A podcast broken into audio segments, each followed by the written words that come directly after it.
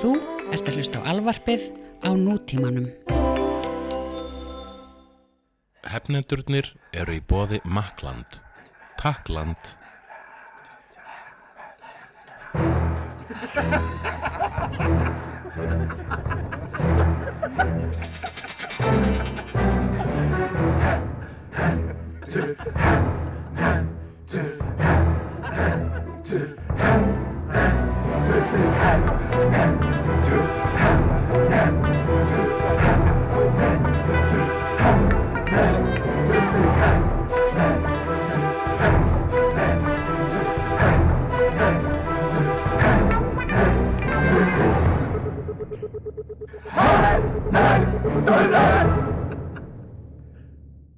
Það er eitt sem að ég skil ekki. Ok, Það eru Lego tölvuleikir. Það er til dæmis til bat, það er hægt að- það er hægt að spila svona batna tölvuleik já, nema það er Lego já og Indiana Jones Lego og Star Wars Lego tölvuleik. já, Af hverju? þetta er reyndar alveg skuggalega skemmtilegt Já, en- já, ok, ég þarf að spila það og þannig að ég ætla frekar að vera hérna fúllamóti akkur núna. þetta er svolítið svona óbeistlaðir leikir einhvern veginn Já, en það er bara að allt fara að gerast Af, já, en af hverju þarf að vera Lego?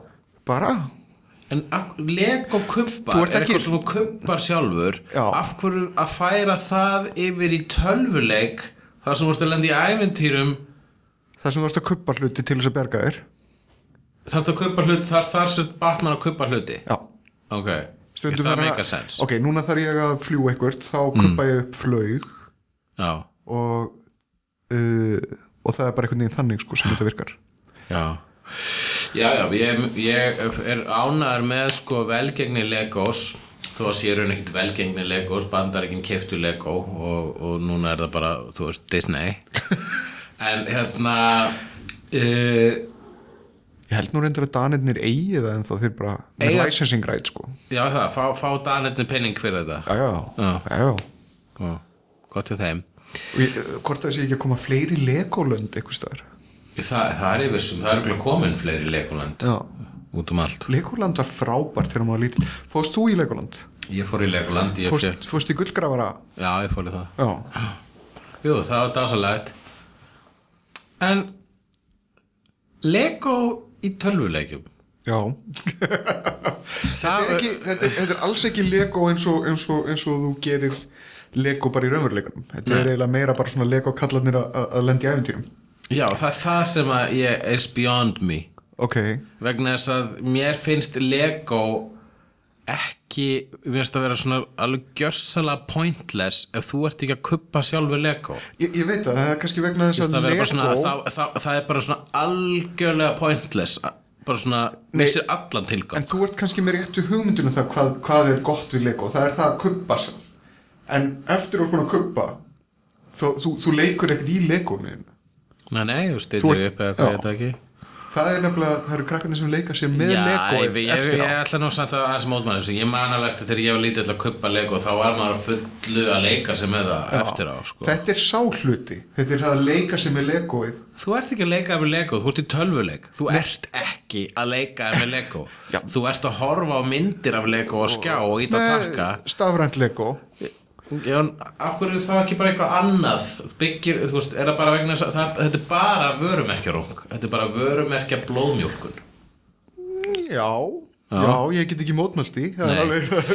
Ég- þ- sko, Út af- þi- út það af er svo þetta merkið, snýst þegar það, ég sko. verð pyrraður út af svona hlutum og segir svona, þetta er bara fucking kapitalismi og bara blóðmjólkun og endurtekning og ófrumlegt þá segir þú, já, það er það og það er bara gott og bara, hvert, hvert, hvert get ég farið eftir það Eh, og bara svo, ó já, þú ert vondur ég glemd að þú ert evil ég, ég meina, sko, ok, ég tek þá þetta er þetta, þess pragmatísku leið. vegna er þú meiri stark heldur en bannar sko. Já, ég veit það, en ég tek þá pragmatísku leið bara í lífinu að ég hérna, uh, ger mig grein fyrir því að allir þessi peningar og, og, og, og, og, og kaupíkja og, og auðvald þarna -hmm. er það sem borgar leikfengin okkar er það sem að fjármagnar alla þessa snild mm. Mhm, já. og sveltir börnin í Afríku en það er bara svona sidekick Já, já, ok, það er allt gott að blessa og ég fæ líka minn skerfa entertainment í gegnum þann, þessa, þessan illa kapitalisma. Já, ég meina sjónvarpið Eh, Ég, fyrir ekki, ég fæ allan minn skerfa entertainment í gegnum þann illa kapitalisma.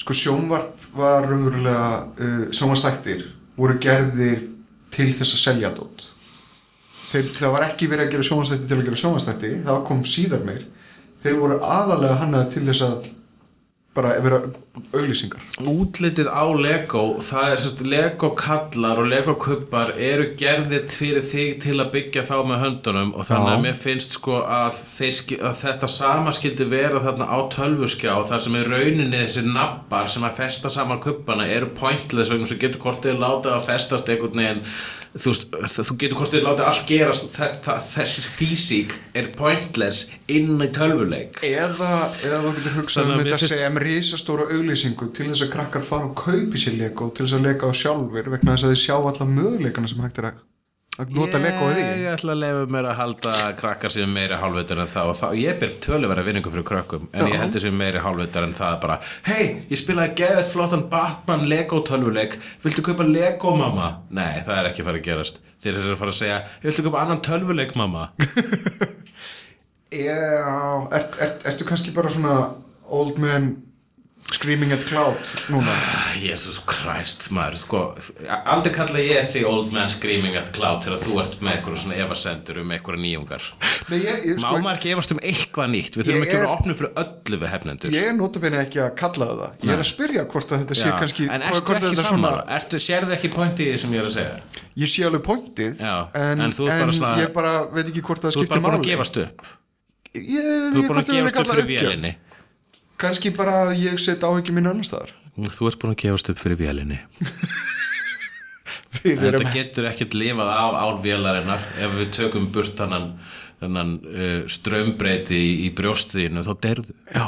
ævormann Ég er vél, hálf vél og ég er reið skeppna og við erum hefnendur.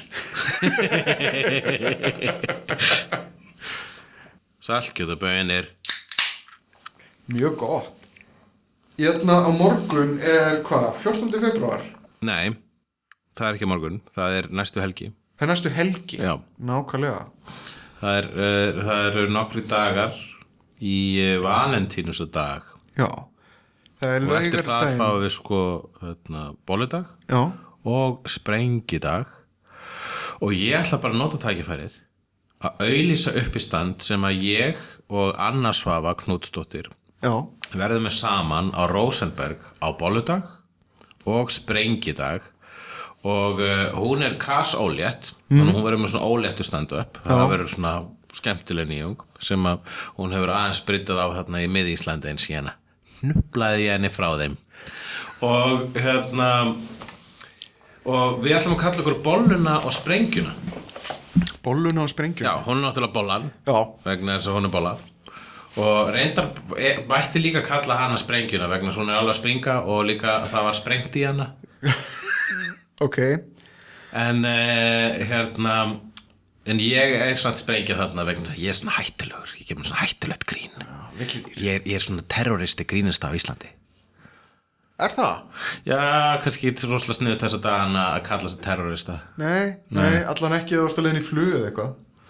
já, ég reyndar að fara í flug rétt bráðum sko Já. En ok, þetta verður sem sagt á bolludag og sprengjudag. Þá verður að bóludagur þið- sprengja dag og bara á Annars þessu var borgu og þið getur keft ykkur hakað inn og þetta verður tímamóta uppistand vegna þess að þetta er síðasta uppistandi sem hún heldur, alla á sprengja dag sem hún heldur fyrir uh, fæðingu, vegna þess Ok. að hún er alveg að detta í þetta og þannig að þið munum fa- það og þannig að þetta er pínu einstakt Ok. þetta, þetta er allavega eh, búin að vera í mjög þröngu mengi uh, þarna tækifæri til að sjá þetta óléttu uppistand þannig að önnusöfu og svo bara er ég alveg ágætur líka Mér finnst þetta annars hafa eiginlega næstu því meiri terrorist en þú sko. Hún er, mér finnst hún vera hérna, hún er uppáls íslenski uppistandara minn Já, hún næri einhvern veginn að pota í óþægilegu staðina sko. Já, hún er, hún nýti sér ro- hún, hún hérna hún er alveg nettur Sara Silvamann sko Já. og, og henni tekst þetta þegar hann var með hérna, uppistand samt sem með sitt í spinn sko, sko, einu sinni var honum uppistand sem heit Ar- dagbók Anna Knúts og Já. ég sá það e, í eitt af svona, svona, svona, í frekar svona f- einum af frumu myndum þess uppistands á Rosenberg og svo var hann með það líka einu sinni þegar við túruðum um landið saman Já. um, og svo flug, og fór hann með það í Gablara leikhúsið og þar var þetta meira auðlist sem, það var meira auðlist sem svona professional show Já. dagbók Önnu Knúts og hérna ég fatt aldrei akkur þetta heit dagbók Önnu Knúts jú, jú, hún les upp úr dagbókina sinni en ég skildi ekki akkur þetta var ekki bara svona uppstætt Önnu Knúts svo fatt ekkert- að ég að hún var að ekkert- vísa í engar, engar vísan og tengingar hann hjá þér Það- ég fattaði ekki vísinuna sem er einhverjulega dag, dagbók Önnu Frank mm Mhm. -hmm. ég hef aldrei lesið það bók en það veit ég hvernig hún endar Já. en sko það er uh, síðan sko byrja ég bara byrjaði að gera plak hérna bara mig um að búa til plakat mm. og, og Mhm. Varstu ekki við með- spiluðum með hugmynduna hei, ef við varum að láta þetta líta út eins og dagbókarnir Frank og ég fann þarna einhverju gamla gamalt kofar á dagbókarnir Frank það sem er svona mynd af henni Frank brosandi með þarna dökka hárið sitt og ég fótusjöpaði önnu svöfu inn á það andlit og við vorum, bara- við vorum bæði bara þetta er snild, þetta er snild það voru svona litlar rattir að reyna að öskra í gegnum veggin sem við höfum byggt gegn skinnsemi Við höfum svona vegna þess til þess að geta að lifa af með okkar grín og ekki fengið sáskupið til hvert einast getur við opnum munnin Já. þá við verðum með ákveðin svona vegg inn í okkur, bara byggja hann fyrir framann sem það sem að kallaði í daglegu tali skynsemi mm skynsemin var að ös, reyna öskur gegnum veggin ekki gera þetta ekki setja plakat þar sem að annars maður væri svo annar frakk fólk mun ekki finnast að fyndi nema mjög myrkum hálfutum eins og ykkur -hmm. og blessunarlega þá var uh, pródúserinn eða einhver sem sá um þetta allt saman sem sagði uh, nei þið eru ekki að vera að gera þetta og það gerist þess að ekki og það var bara gott vegna þess að ég held að hún hef ekki getað komist upp með Já. það hún er fyndnust Já, já, ég, ég er einhvern veginn fastur í þessari hugsun um, um, um hefði hef ekki verið svona nær lægi að hafa hana hérna, fyrir ekki að hafa hljóðið er eitthvað skrítið mm. hefði ekki verið nær lægi að hafa hana í felum sem sagt á ykkur háalofti og með svona fullt af ykkur nasistum í íbúðinni fyrir neðan já það er ákveðin leið til að sína sjóðu sko. þannig að þú ert að segja að við gerðum ekki nógu mikið Já, Já, við höfum átt að fara alla leið og í stað fyrir önnu frænku upp að háalötu þar Anna Svava að tala um þegar hún var að ríða í dúfnakofa. uh Já. Góð hugmynd. en það er, þú veist, það er nú meira að gerast þarna, valentínusadagurinn Já. hann er 14. hann er næstu helgi, laugardaginn Ert þú búin að undirbúa þinn valentínusadag? Nei, Is, is Hulli forever alone? uh, nei, nei. Hva? Má maður ekki vera singul á valentínsdag og, og að þess að vera einn að eilífu? Ég veit það ekki, finnir þú til einhverja pressu að, að finna ástina á þessum degi? Nei. Engin pressa Uh, nei. Og hérna, Er ég leiðilegur? Þú er- Er ég bara leiðileg sver hérna? nefnum verður, verður ekkert svona þunglindur með, með hérna, Ben Jerry's að horfa á romantíska gammamyndir Nei, ég fæ illt í maðan að ég borða ís En ég, hérna, uh, já, valentínusaddagar, það væri nú vissulega gaman að gera eitthvað rómantíst á þessum dag, það væri gaman kannski að kynnast stúlku eða hanga með einhverju stúlku. Já, Um, en uh, ég, ætti ég, ætti maður að gera það, ætti ég að fara svona, ætti ég að klippa út lítið hjarta í rauðum föndurpapír og, og króta eitthvað fallit á það og senda svona leini, Æ- ætti ég að gera það? já, gerðu það Ætti ég að, já, ok, en Ertu skotin í einhverju? Eh, Já, ég er, ég er hérna bara, ég er svona tiltölu nýkomin á sambandi og er, er að passa með að fara ekki á neinar alvarlega slóðir en, en hérna, þ- það er hérna, ég, ég- pff, hvað er þetta, ég ætla ekki að tjá mig um ástina, Nú, ég held að við ekki ætluðum einmitt- persónulega. Nei, þú bara almennt Ekki, Já. ekki opnað sig Ef að ég er skotin í stelpu núna þá held ég ég myndi ekki segja það í mikrofónin, sko. Nei, Nei, Já. þú myndir ekki gera það, nei, nei. ég, ég voðalega eins að við erum bældir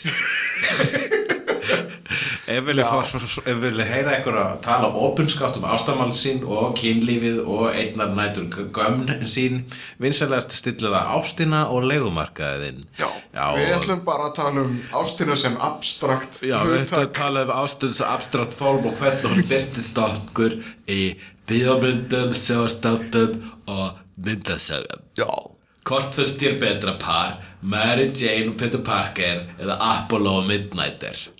Mary Jane og Peter Parker En þau alltaf eru að giftast og skilja og giftast og skilja en Apollo og Midnighter, þeir eru alltaf ástfangnir. Já, en, en, en, en þú veist, það er kannski raunsæra einmitt með Mary Jane og Peter Parker En það er meira svona, uh, það var meira, það var mikilvægara samband uh, í rauninni fyrir sko, svona pólitískt mikilvægara samband. Uh, Er ást pólitík já, vegna þess að Apollo og Midnighter eru samkynneðar ofurhetjur, tveir Já. kallmenn. Frábært hjá Og þeim. basically, eru basically lítið, svona lítið komment um það að hvað ef að Superman og Batman væru elskendur. En Eh, mega og er þar að ekki bara að leiðandi vera- ögrandi fyrir sko svona einhver hérna, úrælt fjölskyldugildi í bandaríkjunum og verandi og bandaríska ofritamyndar sagan verandi það e, e, það bandaríska element sem það er verandi ja, bandarískt og eplakak og jazz þess vegna var og því mikilvægara var fyrir Apollo og Midnighter að vera úr skápnum tveir samkynneir kallmenn með ofurkrafta En ég meina, er ekki markmiðið að einmitt þetta sé jafn eðlilegt og hvað annað samband að það þurfi ekki Vissulega, að gera eitthvað já. mál úr því uh, að þeir elski hvort annan Ég bæ, ákvað bara að bæta pólitíkinni í mín rauk til að bæta meira vægi við minn, uh, fl- f- hérna, minn rauk stuðning en rauninu svo að mér, ég hef enga skoðun á hvori betra par, Mary Jane og Peter Parker eða Midnight og, A- og Apollo Ok, hvort er betra par? Cyclops og eðna, Jean Grey Jean Grey Eða Wolverine, Jean og Grey. Jean Grey um, Ég myndi segja að Cyclops og, nei, Wolverine og Jean Grey er meira passion Cyclops og Jean Grey er hún að, hérna, er meira svona hérna, öryggi Ok, uh, hún var með, það er að segja, það var með skinnsemi Já. hún var með, hún var með honum Scott Summers, a.k.a. Cyclops vegna þess að um, jú, jú, hún elskaði hann Uh, og það, ég myndi segja að það, hún, það vinni vegna þess að það sem að hún bar til uh, Wolverine var meira passion Já. og hún hefur alltaf spila, hún hefur aldrei, fa- aldrei almjöla settlað með Wolverine sko. já Uh, en mér finnst samt miklu betra par en þú veist, mér finnst mjög gott rebound sérstaklega eftir að hún hérna það var nú ekki rebound vegna þess að já það var sko Cyclops sem að byrja að skinja það að Jean Grey var enn eina ferðina að líta Wolverine hýra auga -hmm. þess að hann er svo mikið animal Já, og að þá fór Cyclops og hjælt eiginlega framhjá Jean Grey með Emma Frost Já. sem að bæði vegi ég myndi miklu meira hanga með Emma, by- vera að byrja með Emma Frost heldur en Jean Grey Já. og það er ekki vegna þess að hún er eitthvað miklu meira bomba bara vegna þess að hún, mér finnst hún vera með betri persónuleika sko. ég heldur endur að við höfum alveg og talað hún er bomba Ég heldur endur að við höfum talað um þetta alveg í tætlur í, Mhm. mm í, uh, X-mendunir í X-mendurnir Já. uh, X-ta þætti, eða tíunda þætti hernenda En segjum svo svo, eh, mér finnst þetta skemmtileg pæling þó svo ég sé ekkert að fara út á, á, á persónulegustu slóðir að Já. ég myndi sérst, klippa út hérna, eh, búa til lítið valentínus og kort Ok. Hvernig ætti ég að gera það? Er það ekki verið svolítið hefnindalegt? Jó, þú getur náttúrulega haft það grænt Hjartað þetta er væntalega grænt Já, vegna þess að ég er, já, ég er hurfleikur Já, ég nota stundum þegar ég er svona að SMS-a þá nota ég stundum græna hjartað Já, sem er valmöguleiki þarna en ég hef aldrei spáðið akkur ég gera það, greinlega vegna þess að ég er hulkleikur greinlega Þitt græna hjarta mitt græna hjarta En ég, ætna, ég var reyndar að hugsa með önnurpör Scarlet Witch og The Vision Scarlet Witch og The Vision er frábært par Scarlet Witch er dóttir eh, Magneto eða hvað Eða Nú hvað? fyrir ég aðeins, na, allir fara aðeins út af sporinu og komum með smá hvað er að gerast mm. Mhm.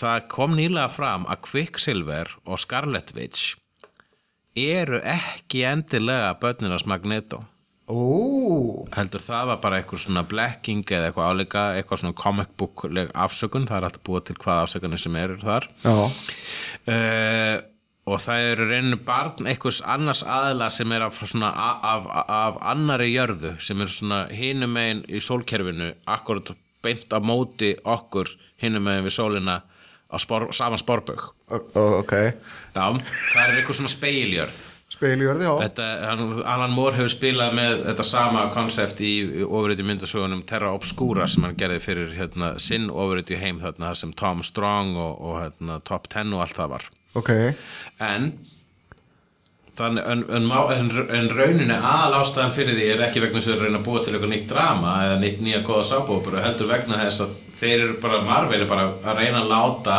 comic heiminn sinn líkjast betur cinematic heiminum sínum og, þeir hafa ekki aðgang á mutants lengur Já, þeir eru ekki með að, að Marvel Studios hefur ekki aðgang að mutantunum þar að segja Magneto já, þessna var, þó, þó, þó, mér þótti það alltaf vera svolítið svona skakta sko að Quicksilver og uh, Scarlet Witch eða byrja, by- byrtast í Avengers 2 og bara ha, en þau eru börn Magneto, svo ættu þau ekki verið frekar að vera í X-Men, þau eru mutantar þannig að þau eru bara núna, eru þau bara að rettkona heiminn í Marvel og láta uh, Scarlet Witch og Quicksilver ekki lengur vera mutanta heldur bara einhverjar ofurhetjur sem eru börs, börn einhvers annars og þá ætti það ekki að valda rugglingi lengur ekki það að þetta var rugglingslegt hingað til vegna þess að allt sem ég er búin að segja síðustu þrjár mínútunar eru fyrir ruggla flestum já, algjört keftaði en ok, en Scarlet Witch Já. uh, og Vision Vision, uh, hún, ok, Scarlet Witch er náttúrulega geðveik Já, uh, hefur, hefur takmarka uh, tangarhald á, á veruleikunum já og hún líka, hennar power er að geta breytt verulegur og The Vision er eiginlega næst í vélmenni já, já, Vi- já, Vision, hún byrjaði sem sé með vélmenni já, sem heitir The Vision sem er Sem- samt svona einhvern veginn self-aware og er, er, er, er, þú veist, með tilfinningar Já, er bara b- b- svona artificial intelligence ro- og e- og eitt af mér finnst sko hans hönnun, hvernig hann lítur út í komiksinu sérstaklega inn í 80s vera alveg gallalaus ofur þetta hönnun, hann er rosalega flott lítur rosalega vel út já, Eh, Vision var kvenkins í Ultimate heiminum og það var Falcon ástfangin að henni ok en það er annað um, en The Vision er game, velmenni úr geiminum geiminum minni ég ok, uh, en málið er að í, í, í cinematic heiminum þá verður hann eitthvað velmenni sem er byggt af uh, Tony Stark já uh, hann hefur Vision hefur byrst í mörgum mismunandi myndum og útgáfum Alla, e- ef ég man rétt þá er, hann, hérna, þá er Vision velmenni sem kom að geimnum til að vara Avengers við því að það var að fara að koma að jörðin var að fara að verða lítið peð í í The Kree Skrull, Skrull War sem var stort event einu sinni í Marvel heiminum þegar tvö, tveir geimuru rasar The Kree og The Skrull börðust Ætli, ætli í Avengers 2 að þeir svissi út Adam Warlock sem að varar alla við í öðna, við eh, sem sagt Infinity áráttu Thanosar ætli þeir sé að svara svissa honum út fyrir, fyrir The Vision Ég geti bara vel trúa því en mér, það, já ég ætla að sko, þeir þurfa að ég, já, ég, mér finnst sko ekki vera nöðsilegt að fá Warlock inn í allt heila dæmið en ég get alveg trúa því að Warlock verði pappi hérna, Starlords Já, til að, jötna, til að uh, láta þetta ganga upp samt sko þá þú veist þurfaði Silver Surfer og Warlock til þess að vera í- eins og í byrjun á Infinity Gauntlet já þeir mun aldrei gera það Sil- þeir eru ekki með Silver Surfer Já. eins og það er hjá Fantastic Four þannig að þið þurfi einhvern veginn að- að- að að rettkona það, að láta þetta passa saman einhvern veginn og án þess að vera með of marga karaktera Mér fannst alltaf að sambandið þeirra Scarlet Witch og Vision vera mjög gott uh, hérna, það það er að segja ég, það, ég, það var eitt af fyrstu sambandur sem ég var var við í comics reyndar var það fyrsta sem ég var virkilega var við á samband Péturs Parker og, og Svarti Kísu sem, og mér þótti alltaf svona hálf uh, skammarlegt en samt pínu spennandi þegar þau voru alltaf í sleik á kvolfi mm. en Vision, verandi bara artificial intelligence, mér þótti alltaf svo gaman þegar hann var alltaf að kalla Scarlet Witch a- ástina sína Já, að hann gat orðið ástfangin það þótt, mér þótti eitthvað gífulega fagurt við það þannig að mér finnst það að vera mjög stert samband að vélmenni sem að eh, er bara sk- að gerfigreind getur orðið ástfangin af konu og konan er, getur breytt veruleikarnum það er, Já. eitthvað, það er eitthvað það er eitthvað stórt, það er stórir möguleikar þarna hefur hún einhvern tímann breytt honum í mann, svona eins og gosa? Ég eh, man það ekki en hún, hún stróka út alla mjútanda af jörðina einu sinni nánast -hmm.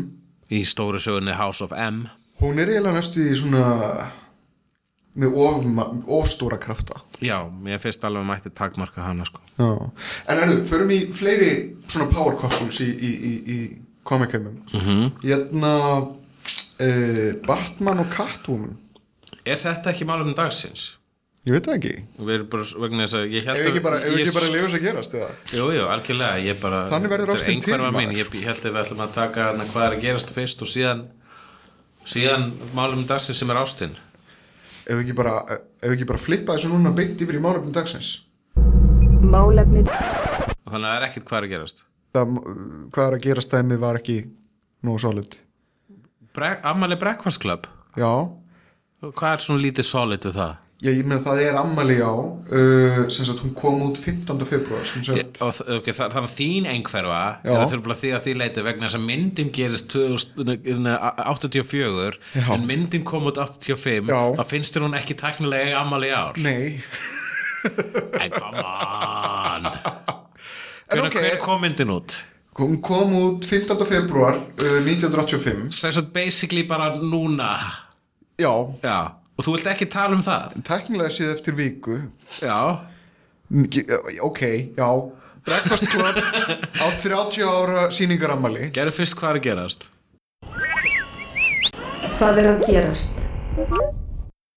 Jæja, Breakfast Club á 30 ára sýningarammali Það er það sem er að gerast Já, þetta var mjög erfitt með þetta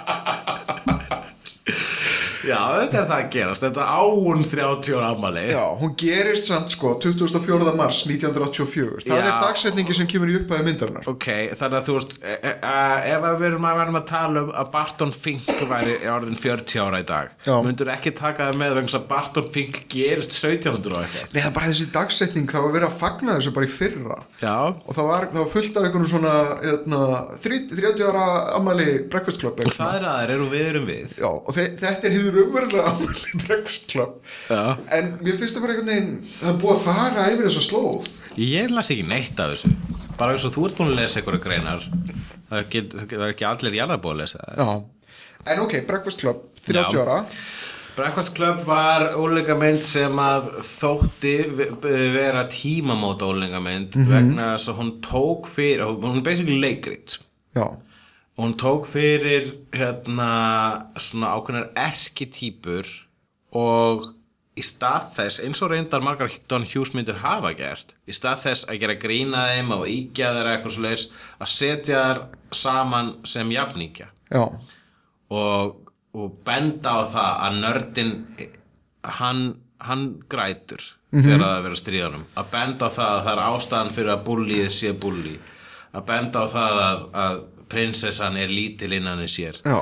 að benda á það að outsiderinn er eh, Vill komast inn. vill komast inn að benda á það að jockið er bara bæt upp fyrir minnum átt að kenda svo framvegis Já.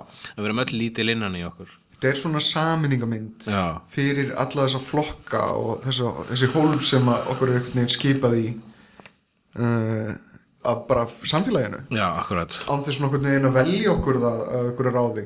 já, En já, eh, ef við förum í gegnum það, það er sko, það er leikararnir, Mhm. Emilio Esteves leikur Jokkin, sem ég mjög fyndi með það hvað hann er, hann er, hann er smávaksinn og lári loftinu í raunum.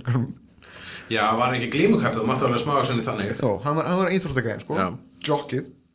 Kennari. Anthony Michael Hall leikur í hérna, sem sagt, eh, heilan, Já, sem set- gáðangurinn. sem setna leik bulli í Edward Scissorhands Já.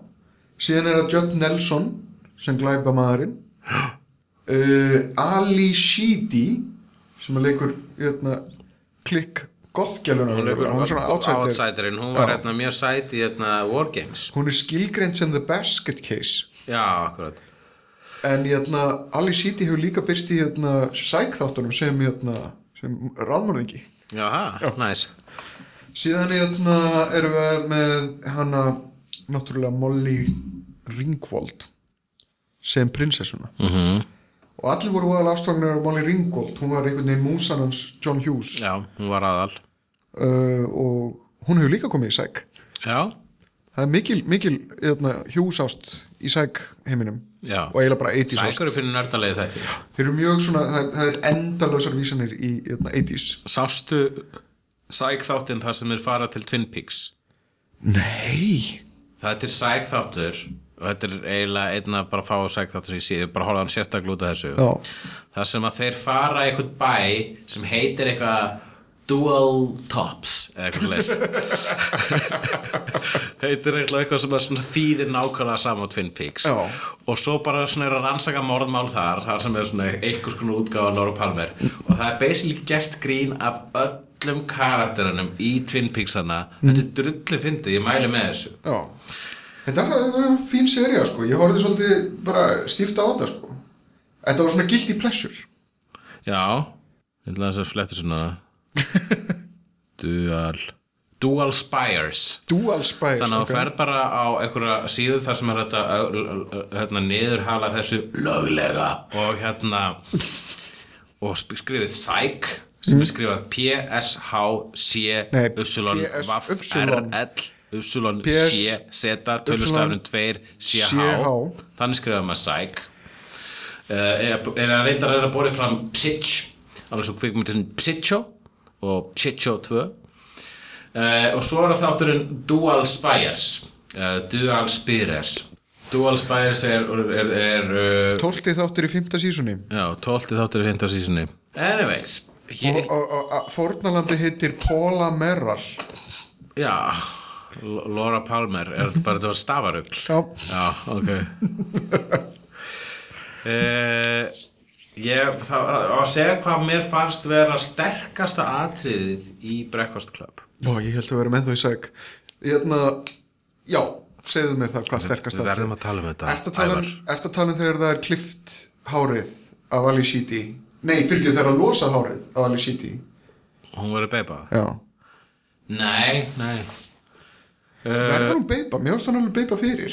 Hún var gerða eitthvað, sko- já, já, ég veit að en þú veist, þetta er bara gamla klísjan svona, ó, hún er í ljótri peysu, hún er ljót manstu atriðið þarna til dæmis í þú veist, það komur, það er til hægt að telja upp marga myndir þarna sem að stelpa tekur á sig gleru og allt í hún hot Já. og hérna og það var ógislega fyndið hérna í She's All That þegar hérna hérna uh, S.O.Lið var að tala við hann Freddy Prince Jr. og hann bara ok, þú getur ekki breytt hvaða stelpu sem er í prinsessu og hann bara jú, ég get gert hvaða stelpu sem er að all baby skólas ok, hvað, og þá hérna fer Freddy Prince úr því labbaði á ganginn og bendur á einu svona rosa feita stelpu og hérna hvað með þessa, ég get breyta þessari og, og þá segir asshole-in, nei, of auðvelt en hvað með þessa og bendur okkur að ljóta steppi, nei, of auðvelt og svo finnur asshole-in hérna, hana sætustelpu hvað sem hún hétt aftur um, hún heitir hérna Rachel Lee Cook Já. var- var sætastelpan í þá daga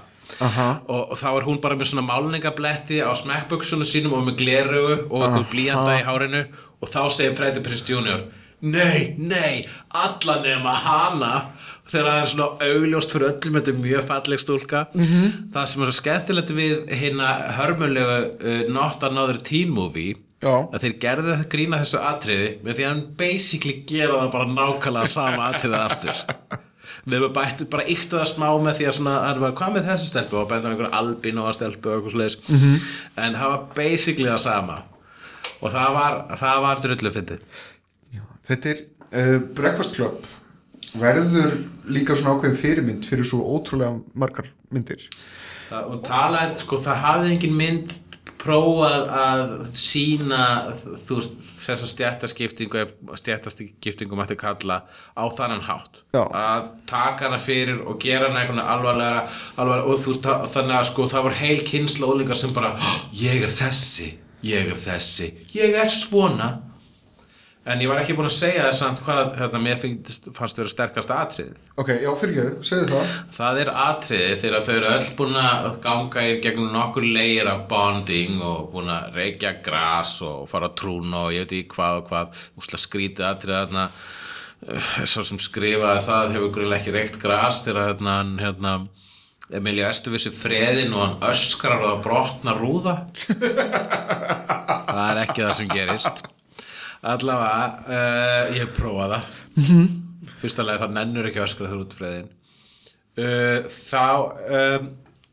er atriðið þeirra sko þeirra öll búin að báta á eitthvað og eru svona eitthvað, á enninu trún á hennu og og þau bara svona og einhver þeirra bendir á það að það mun ekkert breytast eftir þetta ok, að þegar þau mæta aftur í skólan á mánudag þá eru þau ekki að fara að segja hæfi hvort annað já, það er enginn að fara að vera vinur nördsins og mér fannst það súper stert vegna þess að það er svo súper satt mm Mhm. -hmm. þú bondar við kúlkrakkana eina helgina mætið síðan í skólan á mánudaginn þeir eru ekki að fara að sína þeir neina átt, ást jafnvel þvert á móti Já. þeir eru að fara að bara lemja þeir meira Þeir til núna þess vita þeir að þér. Já, akkur, og nei, núna vita þeir að þú veist að þau eru venjulegt fólk eins og þú já og þau ætla að lemja það úr þér sko, og minna þá, þú ert ekki vinnur okkar og mér fannst þetta super stert og mér fannst þetta mjög, svona, þetta var eiginlega sko, það var pínu svona dark moment í þessu vegna þess að það var eins og þessi mynd var að fara að kenna okkur eitthvað en það sem basically kenda okkur er að svona er þetta, það er ekki mikið sem við getum gert í því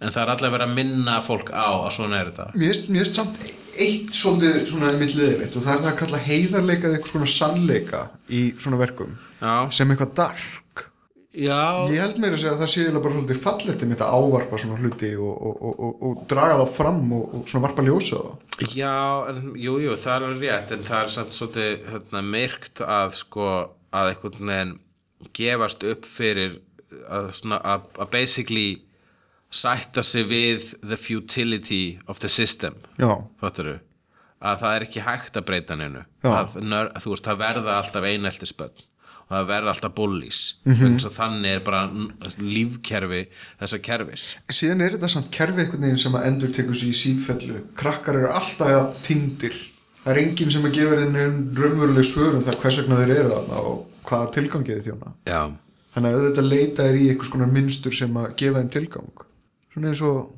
eins og terroristar skrítið að það verður leitar inn á terrorisma þarna hver var þinn uppáhalds uppáhaldsmoment og uppáhaldskarakter karakter og moment sko, náttúrulega ég tengdi einna mest við The Basket Case já sem ég Alice líka City. Mér, hún er alltaf verið mín uppáhalds hún, sa- hún segir hluti eins og sko þegar að þú eru fullorinn þá deyr hjartað þitt og, Já. og, hérna, og á, segir ég á enga vini og er bara ótrúlega eitthvað svona deprimerandi típa já, mér fannst hún mest cool en mér fannst hún líka bara svona það var attitútið í lögnin sem að ég sjálfur aðdóttiraði þú veist, ég, ég ætla bara ekki að taka þátt í þessu rugli sko svo fílaði hún nefnilega hún fílaði samt að verða prinsessa í smá stund sem er einmitt eitthvað, svo- einmitt eitthvað sem ég enna, sem tala til mín líka sko. í svona bleikum kjól og, og, og með, með borða í hárinu og, ég vil bara einn daginn vera að fá, að fá að vera í bleikum kjól með borðaði hárinu já. en uh, já, ég veit það ekki mér finnst þetta alltaf skemmtilegast að augnablikið þegar þau dansa Það er alltaf svoleiðis augnablik í öllum John Hughes myndum það kom eitthvað svona skrítin dansmoment og allir voru svona, svona skemmtilega koreografuð Mhm. Já, þetta er svo fallega random og, og, og, og þau eru eitthvað svo vilt já, svo, er, svo er ekki sér tala um fötin frá þessum tíma sko já þannig að það- þetta getur kannski verið eitthvað fyrir, fyrir uh, þig og ástinni í líðina og, og valendjúsadaginn að horfa á Breakfast Club Já, það er, er, er ok- okkur er hérna svona finn ég fyrir einhverju mótstöðu um það að tala um ástina Nei, þú ert að tala um ástina í lífi mínu ég á mitt enga líf og ég fyrir að tala um eitthvað svona ok, þú, ja. Já. þú helst að ég verið að minna þig sérstaklega Já, ég var kannski að varpa á- jarðabúa Já, ok, fyrir ekki þið. Já, ok, algjörlega. Jú, jú, ég er það búar. æ, nú líður mér illa núna, Nei, nei, ekki líði illa. Það er ekki búið ofinbæra neitt hér. nei, Ég er bara, hérna, singulgaur. Þú ert það ekki. nei, Þú veikinu það hér. já, Já. Það þegar þessi þættir hófust, já þá er ég í sambandi og þú singul. já, Og þetta snerist við á bara svona mjög svipuðum tíma. já, cirka Já. ég held að það hafi bara mánuður á milli eða eitthvað Skrítið. Já. Hvernig finnst þið verið í sambandi? uh, bara fínt, ég er endar er hræðilegu kærasti okkur núna Akkur? vegna þess að það er svo mikið að gera hjá mér og ég hef engan tíma til þess að, Já. að sína ást eða, eða, eða gefa gefa mig almennilega Já. en það er bara, það stendur allt til bóta sko Já, erstu það bara ekki gefandi í kynlífinu?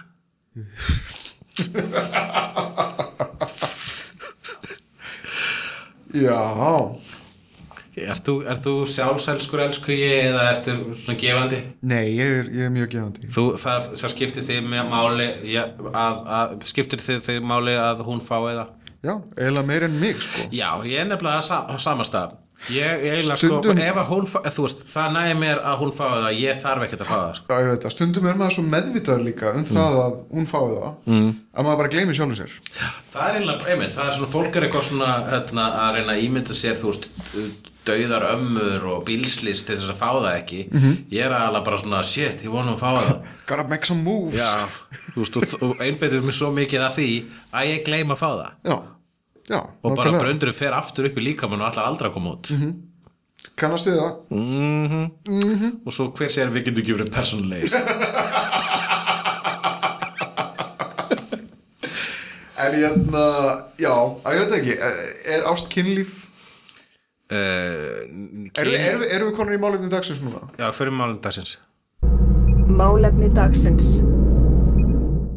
Málum dagsins er Er ást kynlíf? Nei, það er það ekki, það er Nei. bara ástin, ástin, Ástin, og, já. Hérna. og, og, og, og allir, Þarna. allar byrtingamindir hennar. Ástin og bleiðumarkaðurinn Það er okkar Ég reynda sko alltaf, mér, mér finnst ást svolítið erfitt fyrirbæri vegna þess að ég fíla skotin, að vera skotin í ykkurum Mhm. uh, og ég upplifi ástrumverulega á, í undanfaranum Já, og í eftirmálunum og ég er ekkit, stundum finn ég bara ekkit fyrir ástinni í augnaflíkinu. já, já en það er bara svolítið lífið sjálft Já, en það eru sterku tilfinningar fyrir og undan Já. sem, að, sem eru minnistæðar og einhvern veginn sterkari Það er náttúrulega ekkert skemmtilegra en að verða ástfangin og upplifa þá spennu Já, og það er ógislega gaman og allt er heitara og eitthvað svo leiðis og svo hérna, ákvaðum maður að hérna, rita þetta einhvern veginn í stein með það að gera eitthvað official og byrja Já. í sambandi og þá vilja margir meina að þá byrjar þetta að deyja vegna þess að þá byrjar þetta að vera hverstaslegt -hmm. og svo kannski fyrir maður að já,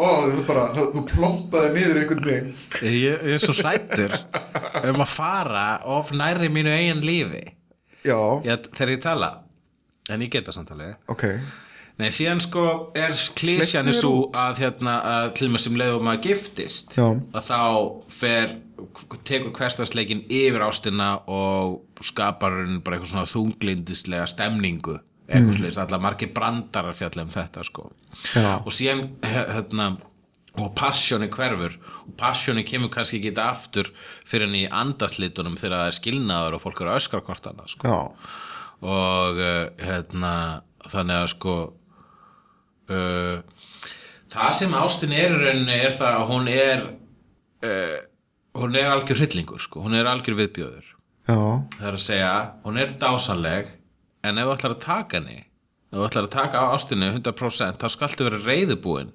fyrir hið versta sko já, en, en, já ég meina það versta hefur upplifað svona mikið, mikið slæmt eða? Ég, nei, alls, ég, nei, mér, ég, ég, mér þykir gífulega vænt um öll ástasambönd sem ég hef verið í Já. og ég hef átt samtals ef ég mann rétt sjö kærustur mm.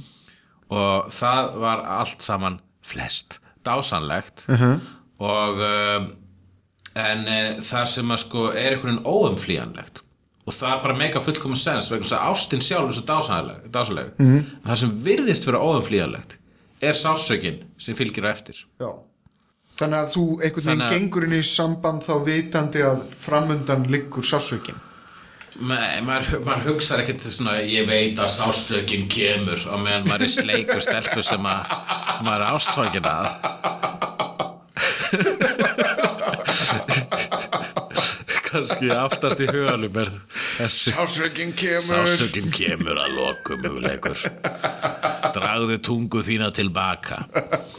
Njóttu þess með þú hefur það, sásökin kemur Já, en ég meina, þú veist, ég er skilnaðabarn og svona og en í rauninni þú veist þá, en þá á sama tíma þá er ég ekki kvarta vegna þess að þetta er hluta af rossibananum Já. og þú getur ekki ætlast til að þú upplifir sælu eins og ástin er og ekki á öðrum tímabúndi upplifa heið gagstæða og ég er ekki að segja að þurfi endalega að haldast í hendur en það gerir það gerna Mér finnst þetta skemmtilegt sko eh, uh, sko sem sagt að ekki hugsa um framtíðina Já. heldur reyna að njóta aug- augnabliksins Já, ég gera það hérna aldrei ekkert. Nei, að, að jötna, það er þessi, mér finnst bestu augnablikin í samböndum vera þegar að, að fólk er að vinna saman að einhverju. Þegar það er saman í liði gegn öllum hinum einhvern veginn. Já, það er það sem að, ég, eitt af bestu kvótum sem ég man ekki hvaðan ég fekk, en það, það sem ástin er í rauninni, mm. það er ekki tvær manneskjur að horfa í augun okkur annari. Já. Það eru tvær manneskjur að horfa í sömu átt. Já, Og það er það sem að maður verður eiginlega að hafa í huga. Ég held að það sé mér þrosku leið til að hugsa um ástina, sko. Ef maður ætlar að velja sér eitthvað sem að gæti hugsalega orðið lífsförunautur, eitthvað sem er að vera í okkar eh, skilnar tróðna heimi, úreltar og úreltara konsept. Mm. En ef maður ætlar að velja sér lífsförunaut, þá verður maður svolítið að velja sér eitthvað sem að getur verið að samfæra manni í, á lífsleiðinni og, og, og öll eigum við okkur mismunandi hérna, paths, eins og maður segir Já. eða, eða hvað sé, hvernig, stíga slóðir, nei ég, stígar, stóður, já, þetta, þetta er allt saman orð. þetta eru orð sem síða því, því, því að það En það, það er einhver svona undarleg spenna hérna í loftinu. Það er eins og við getum ekki alveg, alveg opnað okkur. við erum ekki til þess, við erum ekki þannig gerðir við, ég, ætla, ég, ég get ekki talað um mitt engalíf vegna þess að ég ætla bara ekki að tala um það og þú ert á sama stað sko. Já, við já. erum ekki svo ugla á saga Nei. sem að svona geta bara basically sagt eitthvað svona tala um þetta, akkur getum við ekki, erum við svona rosalega bæltir Já, ég held að við séum pínubældir, sko. já, Eða, eða bara prívat personur. já En ég menna að það þarf ekkert endilega að bera allt út úr torg, sko. uh, ok, já En, sko, ok, nú erum við báðir alveg svo sem ég ágættu sambandi við konun í sjálfum okkur. Jú, uh, Hugljóf er mætt, mætt á staðinn, ég nafnum heitir Hugljóf, ég er kona, sterk, viðkvæm, í Sjálfstæð. senn, sjálfstæð að vissulega, en ég kann voða lítið við að það sé að vera að tala um sjálfstæðar konur eins og það sé eitthvað sérstakt, vegna þess að sjálfsögðu erum við allar sjálfstæðir, við erum Íslendingar, en rauninni svo að eh, í gegnum árþúsundir af feðraveldi þá hafa konur að hvern kyn mist ákveði sjálfstæði sem við erum að reyna að endurheimta þessa dagana. Þess vegna eru til hlutir eins og kynjakvóti og feminismi. Það er bara verið að reyna að leiðrétta eitthvað sem er ónáttúrulegt. Já, ágætis út í túr, en hérna, ég er kannski aðalega að minna, einmitt, að vera í snertingu í tilfinningaflæði sjálfsins.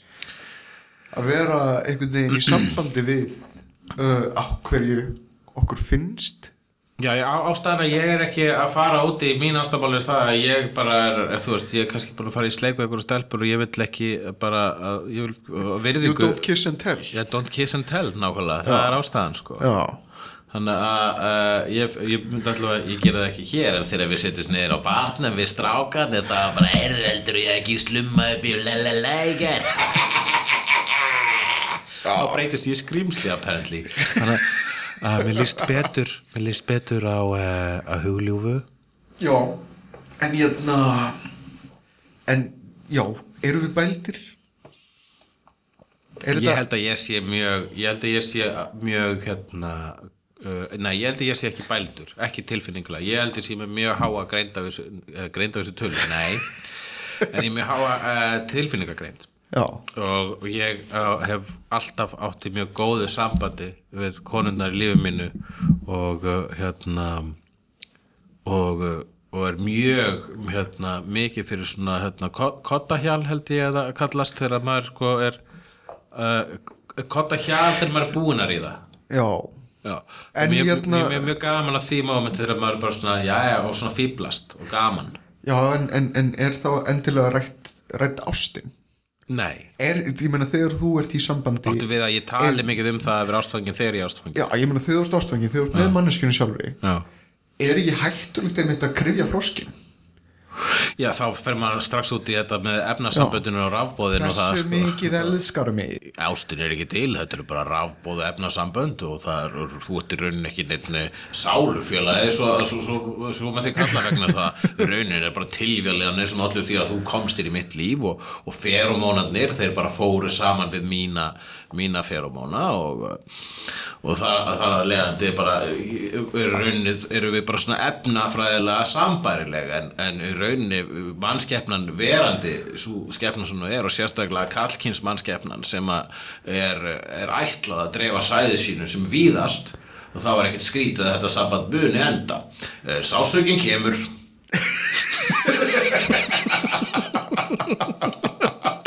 Er það að spyrja mig hvort ég sé þannig?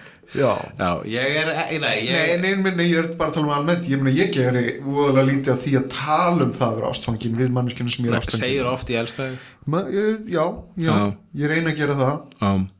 uh, sko þegar að maður finnur fyrir því að það er einhver móttaka þarna eða, eða þá að mann, fa- maður fær eitthvað á móti það er hræðilegt að segja ég elska þig og si- sitja síðan í þöfninni That's a big matzo ball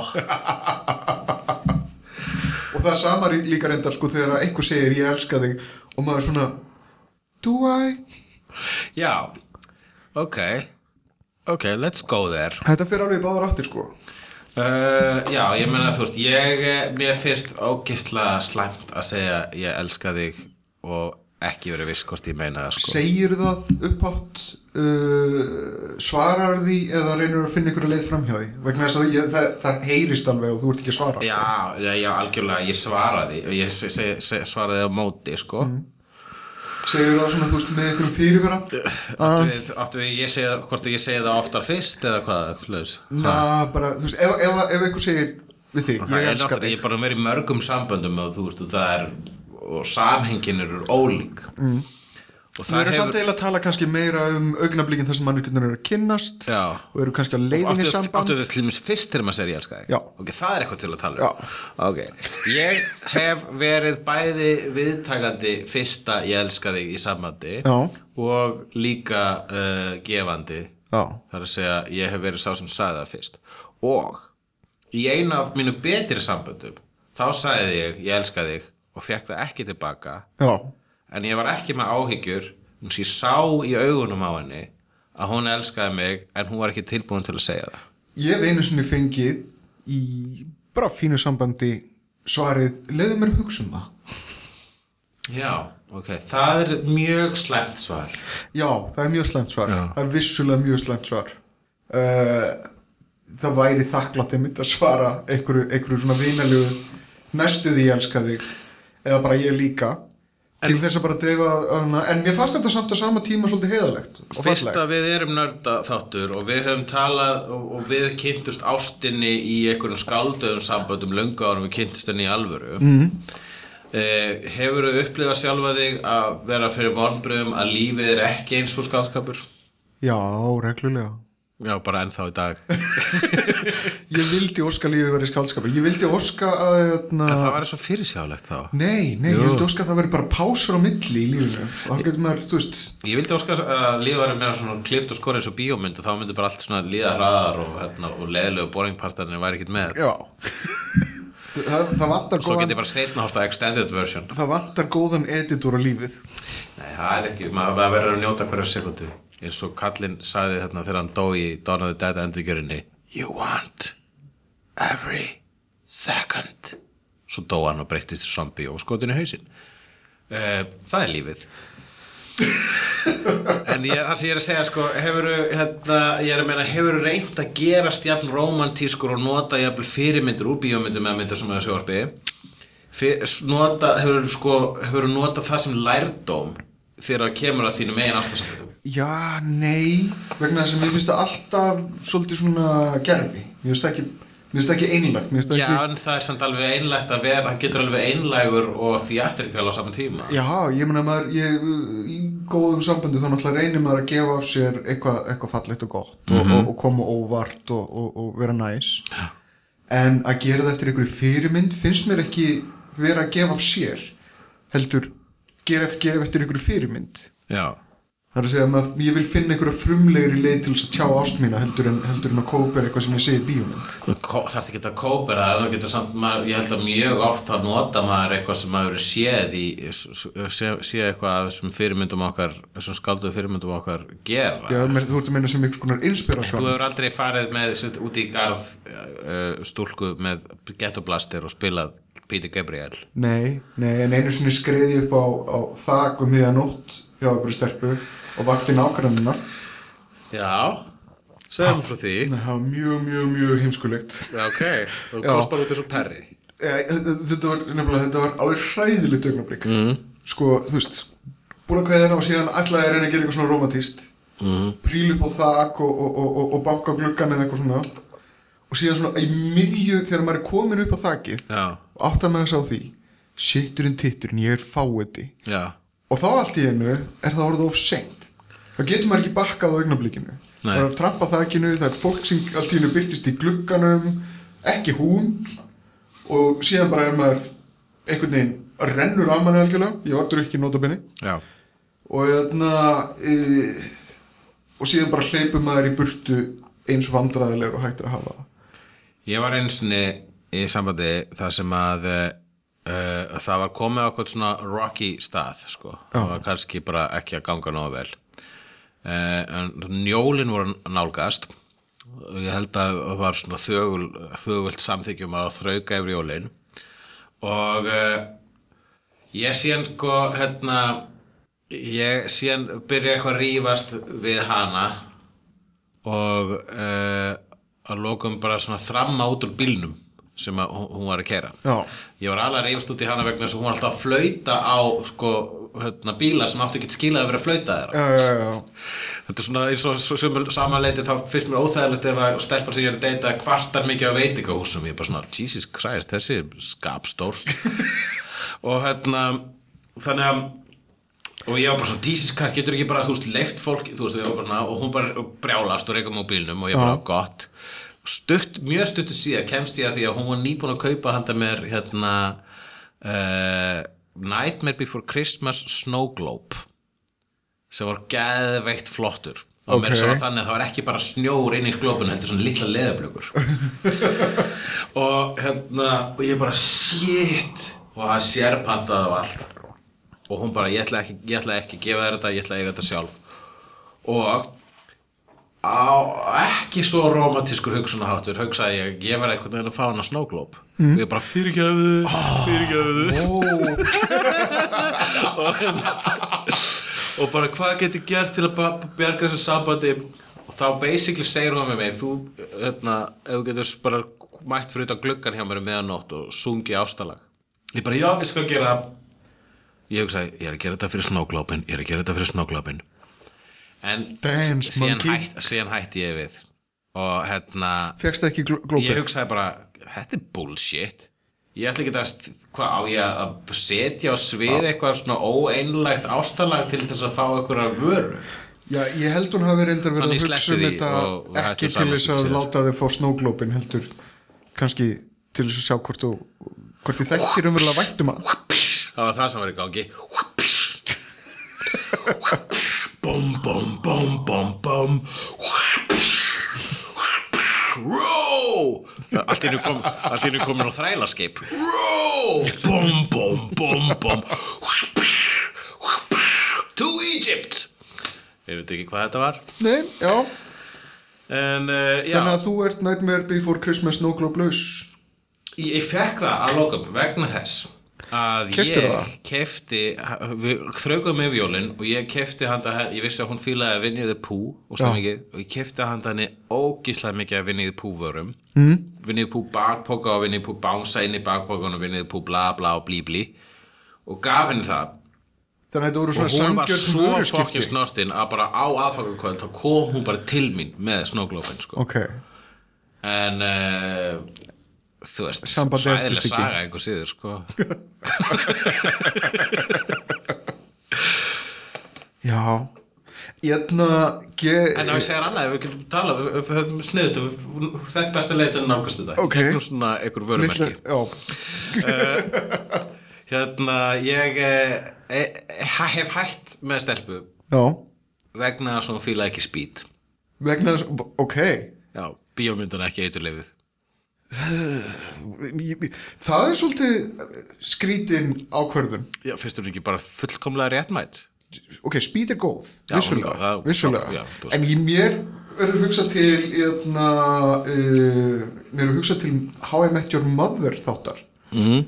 þar sem að eitna, Ted er skotin í stelpu uh, eitna, hvað heitir hún, Colby Smulders hérna? já, akkurat Kóp, Sem hann- sem hún hann er aðal- aðal... Maria Hill úr, úr Avengers já eitna, hann er skotin í henni og uh, þau eru í einhverju sambandi og svona, og hann elskar Star Wars meiri lífið mm -hmm. þetta bara skiptir rosalega miklu máli fyrir hann og honum, hann heyrir það að hún hefur aldrei séð Star Wars og hún, s- og hann sýnir henni og hann starf sýnir henni Star Wars og það er ekkit sérstaklega frábært henni finnst það ekki sérstaklega skemmtilegt nei, nema hvað að sko leksían í þessum þætti sem að hann læri smátt og smátt eftir að hafa gengið í gegnum svona barnalegt þrjóskuskeið eitthvað er að hérna, hún hefur engan veginn nokkra forsendur til þess að elska Star Wars hún eins og getur hann ekkit gert gerir. það að hún elski ekki Star Wars það er ekkert, það er ekkert henn að kenna nei, og það er ekkit tilgangurinn með þessu sambandi að, að, að hún elski Star Wars eins og hann nei það er bara kannski mögulega að hann kynist einhverju sem hún elskar Ég hef setna meir einmitt sko, þetta var eh, bara mjög snemma í, í, í mínu hérna, lífi sem að ég neikslaðast á stelpunum fyrir, fyrir ekki speed. er það ekki samt bara afsökun til þess að losna úr einhverju Jú, það er mjög góð afsögn til að losna yfir úr okkur. Ég allavega sko, hérna, lá, he, lánaði henni speed. já, Eh, vegna þess að, ekki vegna þess að ég var eitthvað svona, þú verður þessu speed, það er besta myndi heimi er svo Ég var mikilvæg ekki- mynd. já, ég var ekki að tróða þenni upp á ha- ha- hana sko, og, og, og ég er líka alfarið á móti því í samböndum eitthvað að tróða myndum upp á hérna, hinn aðeins bara, sjáðu hvað ég fíla þetta er ég, þú verður að fíla það það er hefur þið ekki bullshit eftir sjönd að það gerist svo ógeðslega oft í samböndum að maður sýnir Mhm. manneskjunni myndir sem að skipta mann máli og, uh, og vonast til þess að hún finni þess að sömu Já, og tengingu gæist alltaf á hana meðan hún er að horfa á myndina og eitthvað Er hún að njóta þess? Er hún að Er fatta þetta aðri? Ó, hann, kemur, ó, hún, var, ó, hún leit niður þegar þetta aðri var. Ó, hún er ekki að fíkjast með. Bla, bla, bla, er hún, Eitthvað að, svona. er hún að taka upp Já, síman þú verður bara að fleia þess út úr gluggan -hmm. Mhm. þú verður bara að aðtúa muna það að til að maður er komin í samband þá er maður ekki, að, í, sam- þá er maður ekki allir bara komin í samband þú ert allir bara með aðra mannesku sem er með jafn mikla sál og persónuleik og þú Já, en tekur, í eftir, lífinu þínu tekur líka eftir því að maður gerir þetta sjálfur þegar að hún sýnir manni eitthvað svona dó- drasl sem að maður hefur engan áhuga mm Mhm. sem að maður te- hefur enga tengingu við Já, og það koma alveg nákvæmlega sömu auggótur og síðan sama svona litla vombriðis auglitið í Já, lokin ég- þar sem að æ, þeim, ég held að ég hafi allavega svona eh, ég, það, ég er allavega komin yfir þetta ég, þetta skiptir mig ekki máli lengur en að ég það held samt að þetta sé þetta er, þetta er einkerismerki þess að vera sjálfshelskur að vilja að manneskjan sé maður sjálfur Já, það er það sem er málið. Þú átt staðinn ekki að fyrir að- reyna að móta manneskjuna með þér. Já, sko. í staðin fyrir að, hérna, að, að kynast einhverju saman eða, eða, eða, eða kynast einhverju nýrri mannesku þá viltu bara einfallega vera í sambandi við sjálfur og fá að gera það sem þið sýnist Já, þetta eru, já, og jú, jú, maður gerir svona mistök örgulega miljósunum á aftur og maður mun aldrei læra neitt Mhm. þannig að við skulum ekki reyna að komast inn í niðurstöðu að koma með bóðskap í þessu það sem ég ætlaði að segja, mér langaði að segja þessu sögu Ok, já, og hérna eh, eh, hún er ekkert sérstök en mér langaði bara að segja hana að ég lánaði henni spýt mm. og hún horfði á hana og og hún bað sko, bara hún bað mig um að lána sér eitthvað þetta var þegar ég átti vídeospúlusafn og eh, og svo bara svona, já, ha- hvernig varst þið spýt, spurði ég og það sagði hann svolítið læ, svolítið svona amerísk þarna um leið og hún end, endaði við að segja káið í orðinu amerísk þar lauk sambandinu já þessi stelpa gætt bara fokka sér sko og hún getur það basically en þá í dag Þetta er enda, þetta er Ef enda að- stærra heldur en, heldur en speed Þetta er amerískin að já, gæsa já, lappa ok, vá, þú veist svo mikið um popkúltúr já, óksli dæmigerð amerísk Hollywoodmynd fokkaði þér, í alvöru Já. og ef, ef þetta myndi gerast í dag same thing ef uh einhver stelpur myndi segja óksla amerísk, þá myndi ég bara ah, sorry, við erum ekkert að fara að geta það er sko nokkur grundvallar atriði sko. þú þarft ekki að fíla spýt Mhm. en að þú fílar það ekki vegna þess að svo var "Svolítið amerísk þá getur þú bara fokkað þér sko. Já, Þú ert að fíla hana út af einhverja almennri ástæðu, ekki út af einhverja ástæðu sem að fucking hippa vinniðinir kendu þér. ógeðið þitt fyrir ekki að skrifta þetta út Best og vest. Eða að taka best og vest já, Hérna Best og vest ástarsömbönd í bíómyndum já, bíómyndum og tökum líka sjóastætti og myndasögur Ok ok, uh, byrjum að bíómyndum í- Bíómyndur, já, já byrjum að verst hvað er glataði í- í- hvað, er gla- hvað er svona, hvað er svona manst eftir ykkur að sem er virk, er engin blossi í gangi sko. Það sem að leikararnir höfðu ekkert kemistri og svona já myndir ekki segja að versta ástasabatið geti verið uh, hann er svolítið brútal hérna, var ekki Hanna and the Sisters þegar hérna, Woody Allen byrjaði með uh, Jó, en það er samt sko, þú veist fórstu dóttu sinni Það virkar í miðjum samt tökum. dramatíst flott, sko Já, það virkaði fyrir myndin Já Já, það var frábært að hann skildi halda fram hjá mjög fara með stóttur hennar Hún var- Bara fyrir myndina sko hún var búin að hérna, já, og hún var nýbúin að komast að þessu þegar hún þurfti að taka eina senu sko. Já, akkurat. Mhm. og það er bara einhver ramökun stemning í sjálfu atriðinu Ég segi síðan sem mynd og vissi ekki af þessu til ég sá þessa mynd þannig að ég var ekki var við þessa rafningu stemningu kannski ef maður bara var við hana ef maður veit af henni já. ég ætla samt að, að, að stinga upp á öðru Já, og uh, það er svolítið nördalegt það er ekki í þessum þætti episode Eðna, Hayden Christensen og Natalie Portman Samþykkt þetta er, þetta er eitt klunnalegasta og Já. lélegasta ástarsamband Já. og dauðasta on-screen chemistry sem ég sé um Ah. æfina Þakka þér fyrir þetta, Ævar þetta er bara, þetta er martröð það er Hmm. martröð að fylgjast með þessu Já, ég, ég hef lúmst gaman að því en það er vissulega, sko, bara Hayden Christensen er svo óheillandi karakter í þessari seríu mm. að það er það er að bara svona cringy að horfa á og svo sko, og svo ofanulega það að George Lucas kann ekki að skrifa ást já, hann kann ekki að skrifa ást að sinni Best- mannstættir meina- mannstættir atriðinu þar sem að þau eru þarna einhverju ögnafliki þar sem þau verða ástfangin það er svona lítið montage þar sem þau eru að hann er að reyna að ríða- akrinu með já. fossinum og það, já ríða bakinu á einhverju svona sniðu hérna, dýri mm og dettur af því og hún svona "Ha, ha, ha, ha, ha." við erum uh, í fallegu grínskríni Já Þetta er, þetta, er, þetta er hræðilegt samband og hræðilega leikið hræðileg kemistrija, hræðilega skrifað já þau náttúrulega bara- þetta er ekki leikurunum að kenna myndi ég segja samt, sko, vegna þess að það höfðu ekkert búrt eins og í allri í allri uh, Revenge of the Sith þá situr Natalie Portman í herbyggju og grætur það er hennar hlutverki þe þeirri mynd að sitja í herbyggju og gráta vegna þess að maðurinn hennar er svo uh, confusing og complicated Já En uh, besta aftur á móti Þar er maður með nokkur sko ég, sk- maður telja upp svona hérna, frontrunnis hjá mér Ok, uh, Jennifer Lopez og George Clooney í Out of Sight alvöru blossi þrjusa alvöru blossi og meiri segja var blossi á milli Sandra Bullock og Keanu Reeves í Speed það, Það var er góður eitt, blossi. það er atrið þarna þegar að hann fattar að hann getur ekki losað hann úr handjátnunum Já. og ef að Ef, að- og, og, og, því, og það þýðir að rétt bráða mér hún bara að fara að deyja og hún, hún fyrir að gráta Mhm. -hmm. vegna þess að hún veit hann að fara að deyja og hann ákveður að vera hjá henni Já, þegar að lestin er að fara að krassa og svo lifaðu af þetta atriði, það náði mér alveg vegna þess að þið, sko það, á þessu moment þann inn í actionmynd sem var alla tíman fram að þessu eiginlega bara rúta að keira og svo bara stokki yfir í lest að þau skildi hafa náði að þau skildi hafa geta skilað sko töfrunum já mér finnst það að vera pínu kraftaverk En hérna á himbóin anstæðan við þetta myndi vera Sandy, Sandra Bullock og Jason Patrick í Speed 2 Já, ég myndi, það var, myndi lenda á bátnunum sko, svo sem ef að, ef að það sem þú nefndir aðan var ekki ja, dásalega slæmt og það er sko. Mér, ég, mér langar þetta til þess að hérna, ok, þú ert með nokkur segir Já, ég er eftir að minnast á hérna, þú veist, og það, uh, Out of Sight og hérna, parið Já. Clooney og Lopez, það er Elmon Leonard saga Já.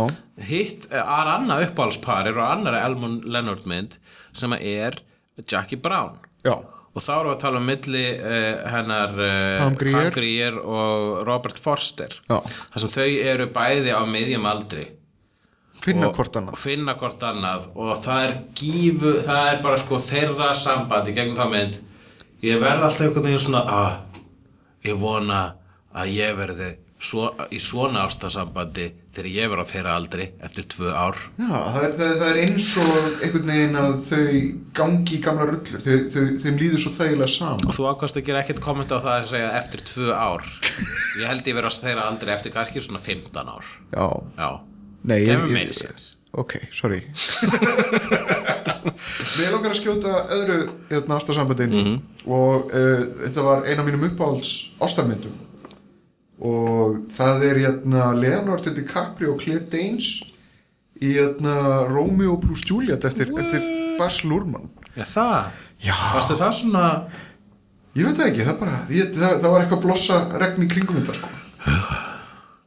Ég var líka ógeðslega skotin í Claire Danes. Já Já, voru það allir eftir maður svo gott live sko. Mhm, Já, ég, ég, með, ég, ég bara ekki sé það minn síðan í bíó sko, þannig að ég, e, e, það getur Hún er bara ennþá góð. Já Það er, það er eitthvað Mhm.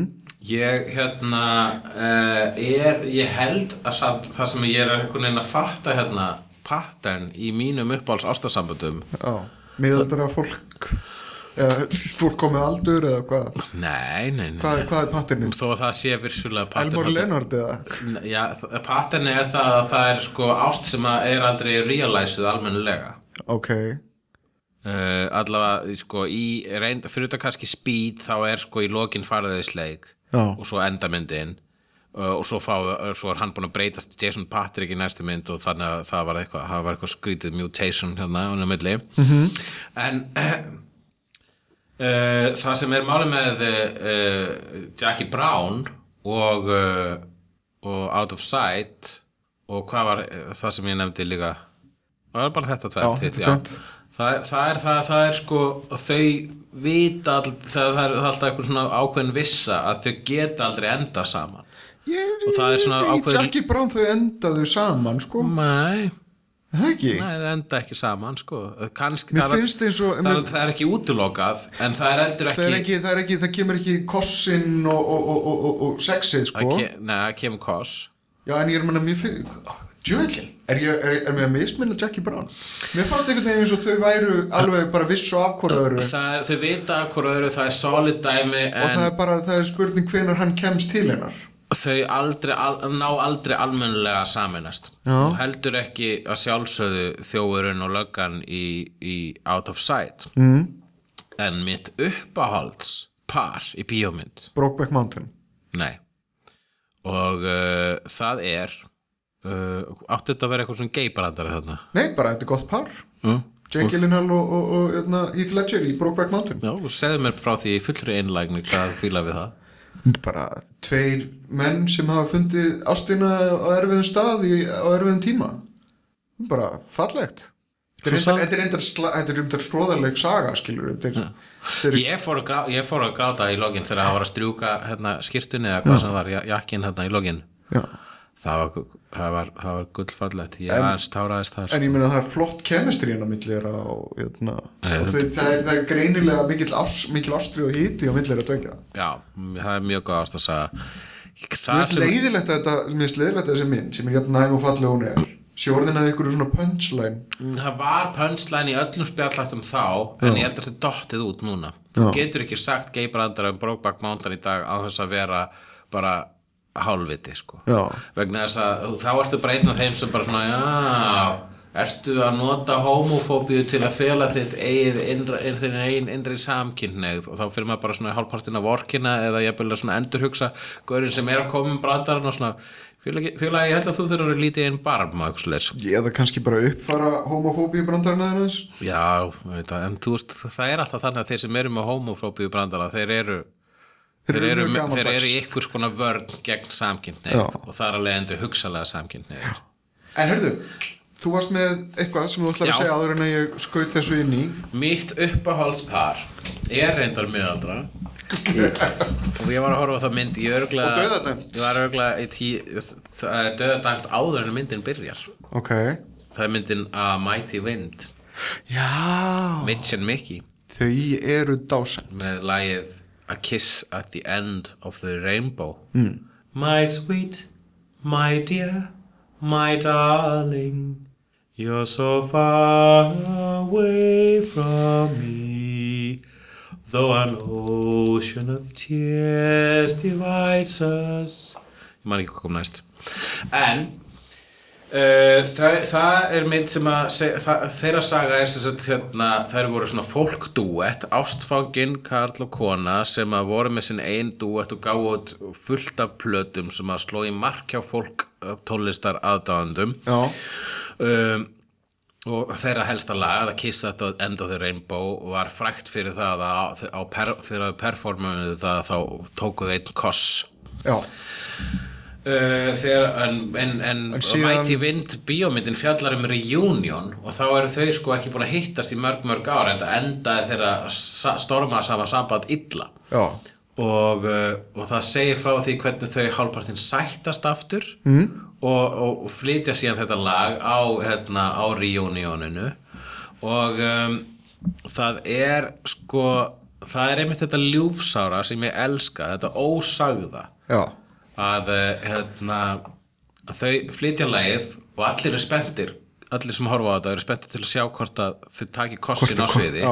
sem að þau gera og allir þykir það fallegast í heimi fólk grætur í salnum og svo framvegis og svo er tekið viðtal við þau eins og þetta er mockumentary mm Mhm. -hmm. tekið viðtal við þau eftir hérna, performancein og þau bæði vilja meina að þessi kost tákna ekki neitt en þau eru viss um að þú, ba- hún segir bara svona já auðvitað ég var bara að leika með en ég held að Mitch hafi tekið þessu svolítið alvarlega hann er svo mikið tilfinning að vera hann Mitch og hann hefur aðeins keft þetta og mér þykir það mjög leitt og svo tekið viðtal við að hann bara já mér þykir leitt að hún hafi einhvern veginn sögt sér tilfinningarlega í þannan performance en að sjálfsögðu þá táknaði kossin ekki neitt þannig að afneitaði bæði kossin táknaði eitthvað í lókmyndarinnar uh, það er þar sko vegna þess að þau leika þetta svo vel Catherine O'Hara og Eugene Levi Catherine O'Hara ein besta leikona allra tíma Ég get Hún alveg leikur tekið að- ekki með ykkur lóu með það Já, hún leikur svo rosalega vel sko, þau leika bæði svo vel að vera sko, þau vita ekki að þau eru ennþá ástfangin Já en það er niðurstaða áhorandans alltaf míns, mér Já. mín, það er niðurstaða mín Já. og hérna uh, og það er það sem að mér þykir svo gott að það er ekki stafað, það er ekki stafað fyrir þig það er ekki auglýst, það er ekki niðurstaða þú þarft bara að ákveða það sjálfur með því að lesa pínu litlar vísbyndingar í sviprögum þeirra Já Ef ekki bara samþykja það sem besta Nú, Varst þú ekki með eitthvað? Ég, ég var að hugsa um Princess Bride Mm. Mhm. Eh. As you wish As you wish Verðið þið vilji Ef að tala um þá sjóastætti Já Rás og Rachel, næsti Ég reyndar um, Sko Náttúrulega Buffy og Angel eru þarna ofarlega Buffy og Angel er þarna en þau voru, ég fíla aldrei þeirra samband ég fíla Angel uh, í s- s- sínum solo þáttum en þegar hann er með Buffy það, ég finnst það ekki gott samband ég var miklu hrifnar á Buffy og Spike Já. þó að það var miklu meira destructive samband og það var bara kynlíf þau voru basically bara bólfélagar Já Uh, en, það var líka í það, sjöttu þáttaröð þá byrjaði þau að ríða og hérna og það var þáttaröðin þegar þeir hættu á voru ekki NBC fyrst eða eitthvað allavega á einhverju svona almennir stöð svo fóru þau á eitthvað svona UBS eitthvað. þau voru á ABC fyrst Að eitthvað einhverju svona basic cable stöð Já. þar sem að mátti meira þannig að þá byrjaði allt í hennu sko að, það- sjötta serið var svona ókislega dark Já. og þar byrjaði uh, Buffy og Spike að ríða og þar sko, þar kýlisinnar eru með svona mjadmannhyggjum og, og svona, svona pelvic thrusts eins og Það maður var segir. bara rosalega slæm hugmynd Já, það, það eru allir sem segja það nema ég Mér erst sjötta serið af Buffy vera be einn besta serían Ég hef rifist við nörda á á 22 eitthvað tíman um þetta Mhm. og það er svona reykt út um mig vegna sem ég held þessu fram bara hvað meinaru? Hún er ömulega sem þáttu Nei, hún er frábær vegna þess að kannski fíla ég bara myrkrið svona vel vegna þess að þarna fekk maður að sjá sko fólkið falla, þarna fekk maður að sjá persónuna hrasa, gera fleiri og fleiri mistök, þarna það var þátturinn þegar, þegar Villó varð ívul já sko, já sem var þetta dáslega millikík yfir eitulega neyslu Já, en jötna já, reynda líka harminn sko hún, hún misti nú ástkonu sína það er nú reyndar ástasamband innan Buffy heimsins en, veistu, mér langar reynda til þess að nefna ég veit nú ekki hvort þú er búin að horfa á þessa seríu How I Met Your Mother en uh, samband Lily og Marshall sem, er leiki, sem eru leikin af jötna, Jason Segel og, og Alison Hannigan það er svona samband sem að mig myndi dreyma að hafa sjálfur þau eru alltaf einhvern veginn saman í liði og uh, eru bara ógæslega skemmtileg saman Já, og það er bara, það er, það er einhvern veginn ánægjulegt að fylgjast með vegna Já, þess að það það er svo sára- auðljóst hversu mikið þau elska hvort annað þú ert að tala sem um liðsmann já, og fáir eitthvað með þér í lið mér finnst þetta eitt sama og ég var að tala um með fallegasta þetta með að horfa í sömu áttin ekki Já. í augu hvers annars mér finnst þetta eitt fallegasta svona eðna, uh, sjómarskoppul sem ég hef séð Já, já, þú segir það já, Ég segi uh, mitt uppáhaldspar í sjóarpi eru Freysier og Lilith. já Þau eru bara fyndin, ég myndi samt ekki vilja vera að hluta af þessu sambandi. ég held að þetta, er ekki, þetta er ekki gott samband Ég sko. man, ég er ekki alveg, er ekki alveg með- man ekki alveg nógu mikið af frábærum ástar. Hvað með, jú, ég var, hérna, hvað með eitthvað Game of Thrones, en það bara enda alls svo illa. já, En, eh, ekkert Sex and the City eða, nei, það getur bara fokk sér.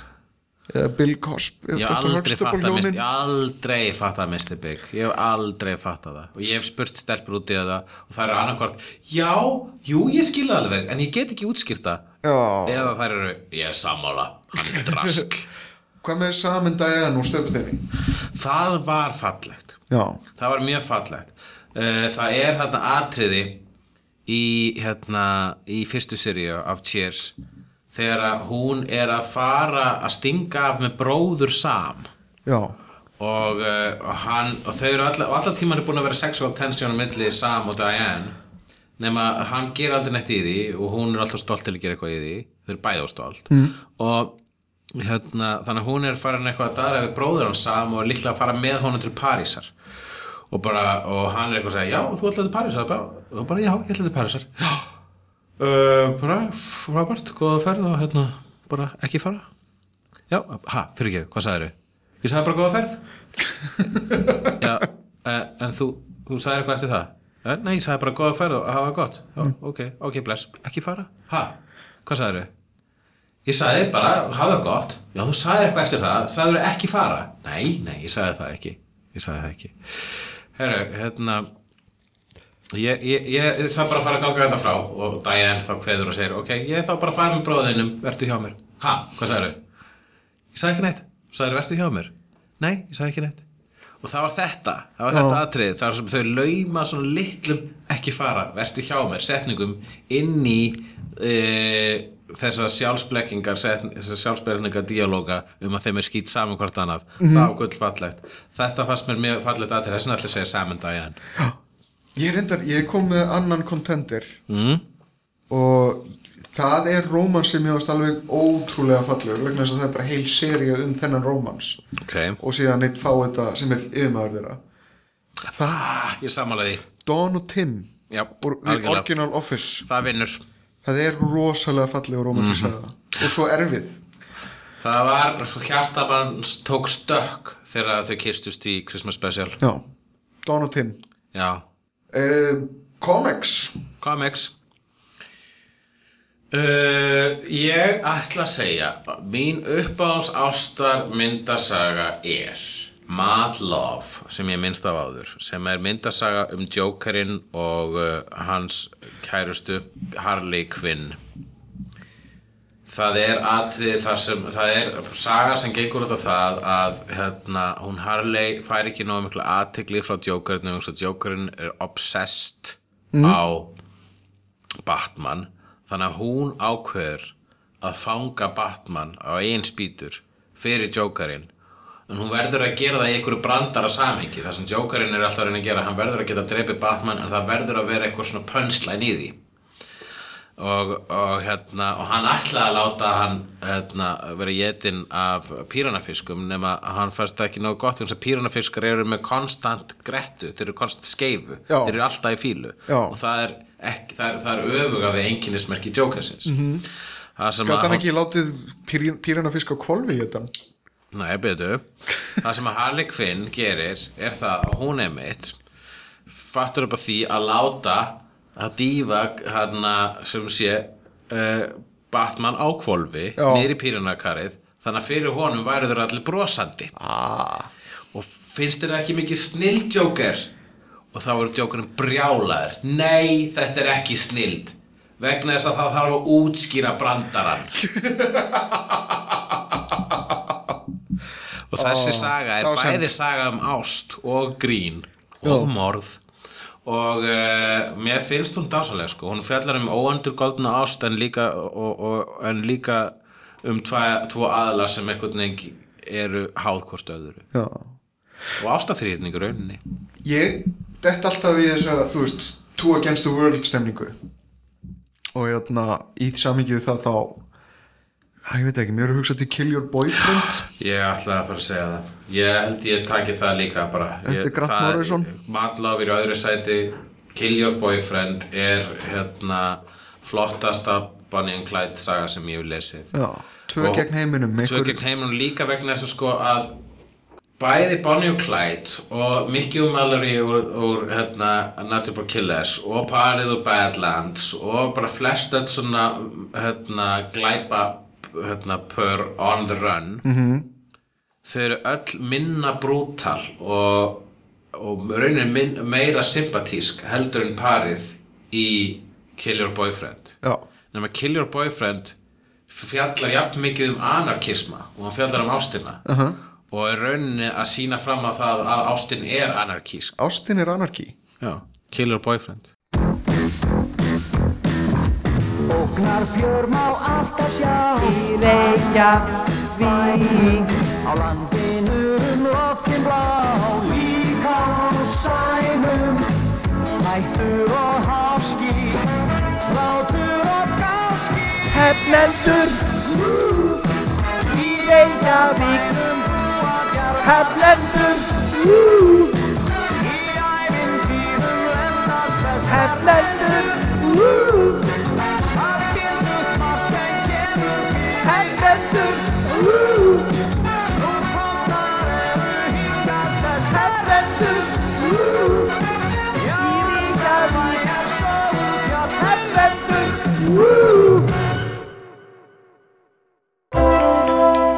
Þú finnur fleiri skemmtilega alvarpstætti á nútímin.is. Takk fyrir að hlusta.